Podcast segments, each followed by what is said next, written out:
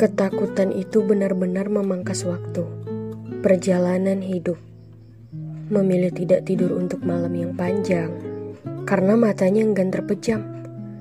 Kepalanya terlalu riuh dengan orang-orang yang sudah membuatnya ketakutan. Bahkan sekecil kebaikan dari orang yang masih di sekitaran juga ikut diabaikan.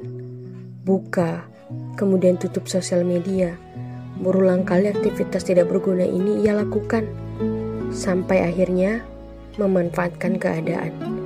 Meramu dari kata-kata yang paling sederhana sampai menjadi bentuk yang paling sempurna. Meramu obat sembuh.